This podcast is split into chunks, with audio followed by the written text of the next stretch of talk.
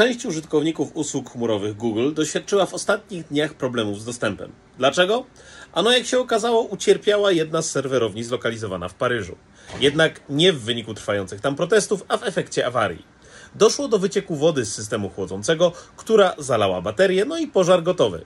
Na szczęście strażacy szybko dotarli na miejsce, a ogień został szybko ugaszony i nikomu nic się nie stało.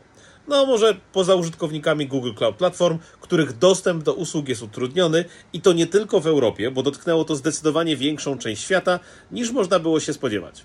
Oby szybko wszystko wróciło do normy, a no i pamiętajcie o robieniu kopii bezpieczeństwa swoich danych, również tych, których przetrzymujecie w chmurze, żeby nie skończyć jak klienci OVH.